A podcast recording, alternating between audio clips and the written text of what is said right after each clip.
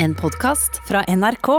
I dag kommer eh, den årlige rapporten fra Reportere uten grenser, organisasjonen som jobber med å sikre informasjonsfrihet for journalister over hele verden. Og denne kartlegger bl.a. drap mot journalister. Kulturreporter Aida Korami, hva viser årets rapport? Den årlige rapporten viser at det har vært 50 tilfeller av drap mot journalister globalt sett, og alle drapene har vært på grunn av journalistenes arbeid. Det er ganske likt som i 2019, selv om færre journalister har vært i felt dette året pga. pandemien. Men er det da noen journalister som er mer utsatt enn andre? Det er spesielt journalister som jobber med gravejournalistikk. Rapporten viser at det farligste er etterforskning av lokal korrupsjon eller misbruk av offentlige midler.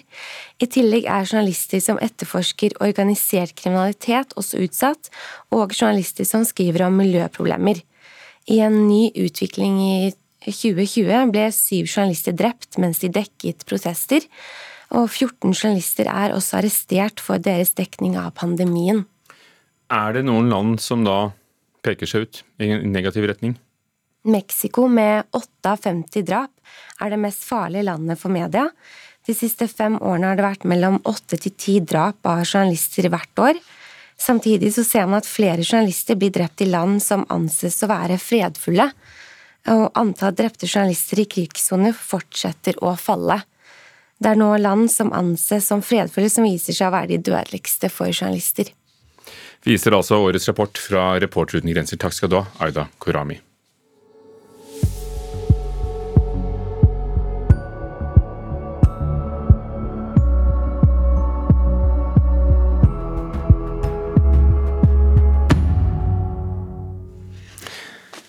Kristian Seltun, ny teatersjef ved Nationaltheatret. Merk deg navnet. Gratulerer med ny jobb. Takk for det. Ja, kontoret ditt eh, ble ryddet i går og blir vasket i morgen. Men det er jo en spesiell situasjon, fordi teatret kan ikke spille forestillinger pga. smitteverntiltak. Men eh, tror du det blir en premiere på Hamlet i januar, sånn som dere har planlagt? Jeg håper jo det, men det er selvfølgelig veldig vanskelig å si nå. Det er klart. Eh, vi vet jo ingenting. Men vi håper. Og så har vi jo det vi kaller en digital beredskap i bakhånd. Eh, vi har ikke kommet så langt med den på Hamlet ennå, men vi har jo en stor produksjon også i eh, mars, med premiere i mars, med et utenlandsk team fra Slovenia eh, som setter opp Bjørnstjerne Bjørnson over evne. Der har vi begynt å tenke også en digital beredskap. Da, sånn at vi, vi er ja, Vi skal ha noe å by på hvis vi ikke kan slippe inn folk, men selvfølgelig håper vi at vi skal få lov til å slippe inn publikum. Det er jo begrensninger på, på, publikum, hvordan de skal sitte, hvor mange de kan være. Men hvilke begrensninger gir det kunstnerisk for uh, dem som står på scenen, og, og bak scenen og henger oppe i snoreloftet?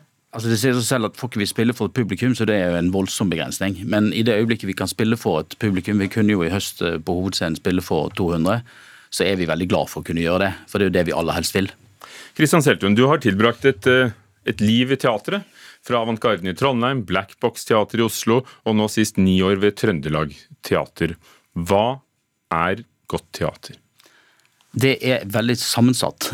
Jeg er veldig glad i mye forskjellig teater. Eh, og, men jeg er opptatt av at teatret bruker virkemidlene sine. At man lager kunst av det. At man tenker over uh, hvilken virkemiddelpalett man har når man lager teater. Uansett om man skal inn og gjøre en musikal eller man skal eksperimentere, så er det viktig at man vet hva man gjør. At man ikke bare setter opp sånn praktisk eh, satt opp teater, men at man har et bevisst forhold til sine virkemidler. Det er vel kanskje det som har vært opp igjennom det viktigste. Hva tenker du med på virkemidler? Nei, altså Alt fra spillestil til hva slags visualitet man velger. At man er bevisst at teater er en selvstendig kunstform, og ikke bare en slags eh, hva skal du si, illustrasjon av litteratur. Eller, for Det har nok vært litt tradisjon i Norge at man har hatt en litt sånn håndverksbasert eh, teaterform, hvis vi går litt lenger bak, tilbake i tid.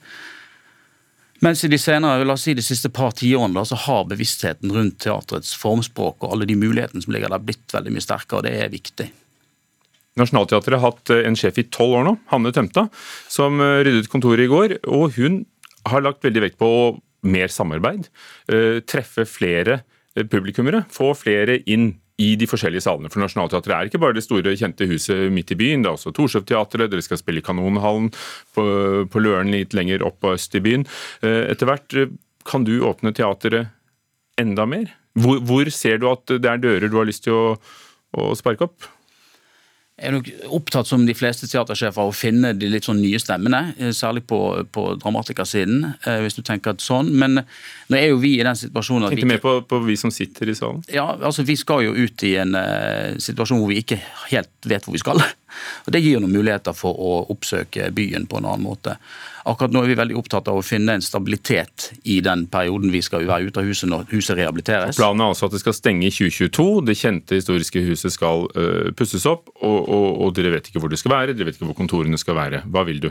Altså det Vi aller helst vil, vi har jo Torshov, og så har vi leid Kanonhall og etablerer en scene der som ligger på Løren. Uh, det blir som et stort Torshov. Så mangler vi fremdeles hovedhuben. Vi mangler en uh, hovedscene. Uh, I dag så er det slik at 70% av Nationaltheatrets virksomhet er knyttet til den hovedscenen. Det betyr også at inntektene, egeninntektene våre tilsvarende andel. Du må jo skaffe en god del inntekter selv. Ja, Hvor mye cirka? Nei, Rundt 55 millioner trekker den scenen i året i inntekt alene. Uh, men det er noe så, men vi skal også ha fysiske arbeidsplasser å tilby alle de 250 menneskene som jobber ved Nationaltheatret, og de 100 frilanserne vi engasjerer hvert år. Så Det er en vel så viktig side av den saken her, at vi, vi, altså aktivitetsnivået vårt går så fryktelig ned hvis vi ikke har en hovedscene. da. Dere finner vel eh, noe? Kan det være litt moro å spille et annet sted enn uh, i den historiske 1800-tallssalen? Absolutt, og det er jo et, også et svar på det tidligere spørsmålet ditt med at vi kan nå ut til byen på en annen måte. Men det er ikke sånn at vi bare kan spille hvor som helst. Det er ikke sånn at et hvilket som helst tomt rom kan gjøres om til et, eh, et, et scenerom. Så Vi ser for oss at den absolutt mest praktiske og rimeligste måten å løse dette på, det er å sette opp et provisorium på et egnet sted i byen. Du nevnte Bjørnson fra Slovenia. Var det din idé? Ja. Det var din idé. Er det et, et, er det et symptom på hva vi har i vente? Og, og, hvilket språk har de tenkt å spille på? Det, nei, altså Dette er jo et, et regissør- og scenografteam. Altså, det er jo, skuespillerne er jo norske, ja, ja. skal snakke norsk. Eh, nei, altså Dette er en regissør vi jobbet med på Trøndelag Teater som heter Tom Janesic. Han laget Doppler og Ubu i Trondheim. Men vil du samarbeide over landegrensene? Absolutt. Absolutt, og Særlig på regisiden er det viktig å få inn eh, nye stemmer og andre, andre former. Og, ja. ja. Eh, kommer det teater om den tiden vi er inne i nå, tror du? Det gjør det, det gjør det, sikkert på et eller annet vis, men uh, først og fremst har vi jo lyst til bare å spille teater igjen på vanlig vis for et stort publikum. Takk skal du ha. Kristian Seltun, du blir teatersjef på Nationaltheatret fra 1.1. Bøker er, uh, er, det mange som har gitt og fått til jul, men så blir de ofte byttet når butikkene og bokhandlerne igjen åpner. Uh, og det var flere som, som drev med det i går. Jeg har bytta en superheltbok. Men jeg har ikke funnet ut hva jeg skal ha. I går var den store byttedagen, og mange byttet bøker. Det var dagen vi endelig kunne gå inn i en butikk og bytte det som ikke falt i smak. Jeg fikk Barack Obamas siste memoarer, men jeg fikk den på norsk, og jeg ville helst lese den på engelsk. Ja, vi skal bytte til en bok som heter William Anton 6. Det tar aldri slutt. Folk bytter gaver til tross for korona, sier Vilde Strømmen, som jobber hos Ark bokhandel i Bogstadveien. Hun merker ikke noe forskjell i antall folk innom butikken sammenlignet med fjoråret. Jeg tror jeg vil si at trykket er ganske likt, altså. Det eneste forskjellen er at nesten alle bruker ansiktsmaske, så det er jo bra. Jeg tror folk eh, ivrer seg til å komme ut etter jula. Det er mange flere kunder på en romjulsdag enn det er på en vanlig dag, som i, i året ellers. Det er det. Det er ikke så mange som det er på det travleste før jul, men men vesentlig mer enn det er på en vanlig salgsdag. Ja. Og da bytter de fleste. Så, så mange folk og lite omsetning, da, egentlig. sånn sett. Også daglig leder i Nordli, Jon Thomasgaard, sier de forventer like stor trafikk i romjulen i år som i fjor, med tusenvis av byttere den første dagen.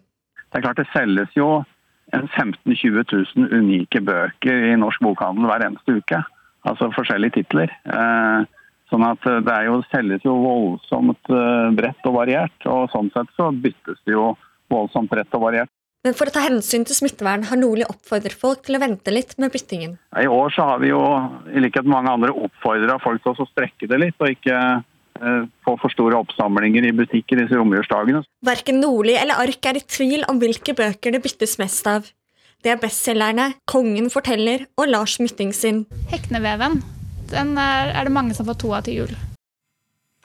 Og det var reportere Heather Ørbeck Eliassen som vi hørte her i reportasjen, og Oda Elise Svelstad som hadde vært på tur i bokhandlene i går. Du har hørt en podkast fra NRK. Hør flere podkaster og din NRK-kanal i appen NRK Radio.